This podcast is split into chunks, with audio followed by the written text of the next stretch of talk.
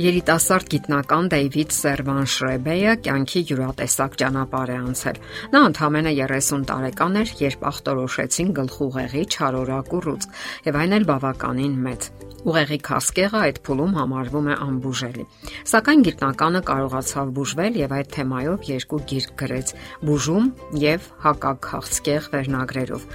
Նա բազմաթիվ հետազոտություններ է անցկացրել եւ եկել այնպիսի հետեւությունների, որոնք կարող են օգնել շատերին կամ բուժվելու կամ էլ կանխարգելելու քաղցկեղը։ Եվ այսպես, ամենից առաջ նա ուշադրություն դարձրեց այն բանին, որ որոշ ժողովուրդներ 7, իսկ երբեմն նույնիսկ 60 անգամ ավելի քիչ են հիվանդանում քարսկեղով, իսկ հիվանդանալու դեպքում էլ ավելի քիչ են մահանում քարսկեղից, քան արևմտյան երկրների բնակիչները։ Ժառանգականության գործոնը ընդամենը 15% է, իսկ մնացածը ապրելակերպն է։ Եվ եթե մենք փոխում ենք մեր սննդակարգը, մեծացնում ֆիզիկական ծանրաբեռնվածությունը, նվազեցնում քիմիայի հետ շփումը, ներառյալ կենցաղային քիմիան եւ կոսմետիկ միջոցները ավելի մեծ ուշադրություն դարձնում հոգեվոր կյանքին, ապա կարող ենք նվազագույնի հասցնել այդ սարսափելի հիվանդության հավանականությունը։ Գիտնականը գրում է, որ քաղցկեղի բջիջները արկա են բոլորի օրգանիզմում եւ դրանք կարող են առաջացնել քաղցկեղ ցանկացած պահի եւ հենց մեր կենսաձևն է, որ կարող է սնել քաղցկեղը կամ կանխարգելել այն սատարելով պաշտպանական մեխանիզմները։ Իսկ վերջին գիտական նվաճումներն ապացուցում են, որ հիվանդությունը իսկապես կարելի է կանգնեցնել, նույնիսկ չոչնչացնելով քաղցկեղային բջիջները, այլ պարզապես օրգանիզմին խանգարելով, որpիսի նա չսնի այդ ուռուցքը եւ չնպաստի աճին։ Օրինակ հնարավորություն չտալով նրան ստեղծելու նոր արյունատար անոթներ։ Այսպիսով գիտնականը հանգում է որոշ հետևությունների որոնցից առաջինը հետևյալն է. ուռուցքները սնվում են ռաֆինացված շաքարով։ Մինչև երկրորդ համաշխարհային պատերազմը անասուններն ու հավերը սնվում էին խոտով, իսկ այսօր սոյայով եւ եգիպտացորենով։ Խոտի մեջ արկա է օմեգա 3 տեսակի թթուներ, իսկ սոյայի եւ եգիպտացորենի մեջ օմեգա 6 տեսակի։ Իսկ օմեգա 3-ի եւ օմեգա 6-ի միջև հավասարակշռությունը պատասխանատու է մեր օրգանիզմում բորբոքային գործընթացների վերահսկողության համար։ Եվ երբ մենք միս կամ արհեստական աճեցված ձուկ ենք ուտում, խախտում ենք այդ հավասարակշռությունը։ Շատ կարևոր է ամեն օր սննդի մեջ ավելացնել քրքում։ Այս համեմունքը բավականին հզոր հակաբորբոքային բնական միջոց է։ Սննդի մեջ այն parberabar օգտագործելը նվազեցնում է քաղցկեղի, այցեյմերի, սիրտանոթային հիվանդությունների հավանականությունը։ Կանաչ թեյ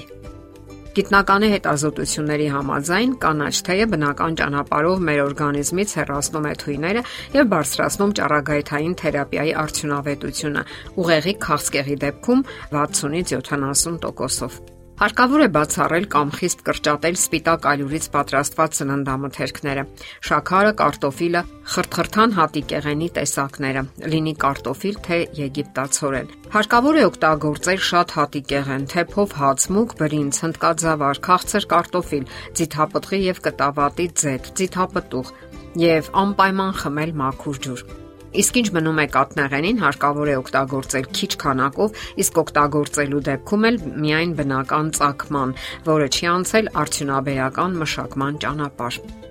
Քաղցկեղի կանխարգելման համար ամենաառաջնայիններից մեկը B17-ն է։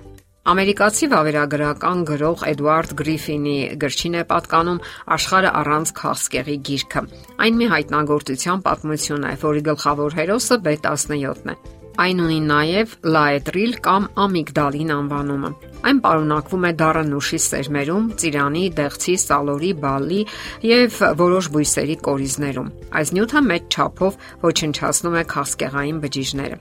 Այս գրքույկում հեղինակը գիտական վկայություններ է բերում այն մասին, որ քաղցկեղի կանխարգելումը շատ པարզ է ու հասարակ եւ զարմանում է, թե ինչու է ուղափառ կամ դասական բժշկությունը պատերազմ հայտարարել մի դեղամիջոցի դեմ, որի օգնությամբ բազմաթիվ կլինիկաներ հաջողությամբ բուժում են իրենց այցելուներին եւ հեղինակը պատասխանը գտնում է ոչ թե բժշկության մեջ, այլ քաղցկեղի բնագավառում գոյություն ունեցող քաղաքականության մեջ։ Մեծ գումարներ են ներդրված քաղցկեղի բնագավառում հետազոտությունների վրա, ապա եւ քիմիական միացությունների վաճառքում։ Եվ եթե հանկարծ լուծումը գտնվի մի པարզ ու հասարակ վիտամինի մեջ, ապա մի ակնթարթում կփլվի մի ամբողջ հսկայական արդյունաբերություն, որը եւ ամբողջ ուժերով պայքարում է դրա դեմ։ Նմանատիպ իրավիճակ է նաև դեղագործական ընկերություններում։ Նրանք ուսումնասիրություններ են անցկացնում միայն այն քիմիական միացությունների հետ, որոնք իրենք են հայտնաբերում։ Իսկ երբ հայտնաբերում են դեղամիջոցը, արդեն ունեն դրա վաճառքի բացառիկ իրավունքը։ Իսկ կարող են արդյոք նրանք իրավունք ձեռք բերել որևէ սովորական սննդամթերքի վրա, որը վաճառվում է ցանկացած հանրախանութում, եւ այդ սննդամթերքը ծիրանի ամենասովորական կորիզի մեջ գտնվող սերն է եւ դա հետնաբերվել է ավելի քան 35 տարի առաջ։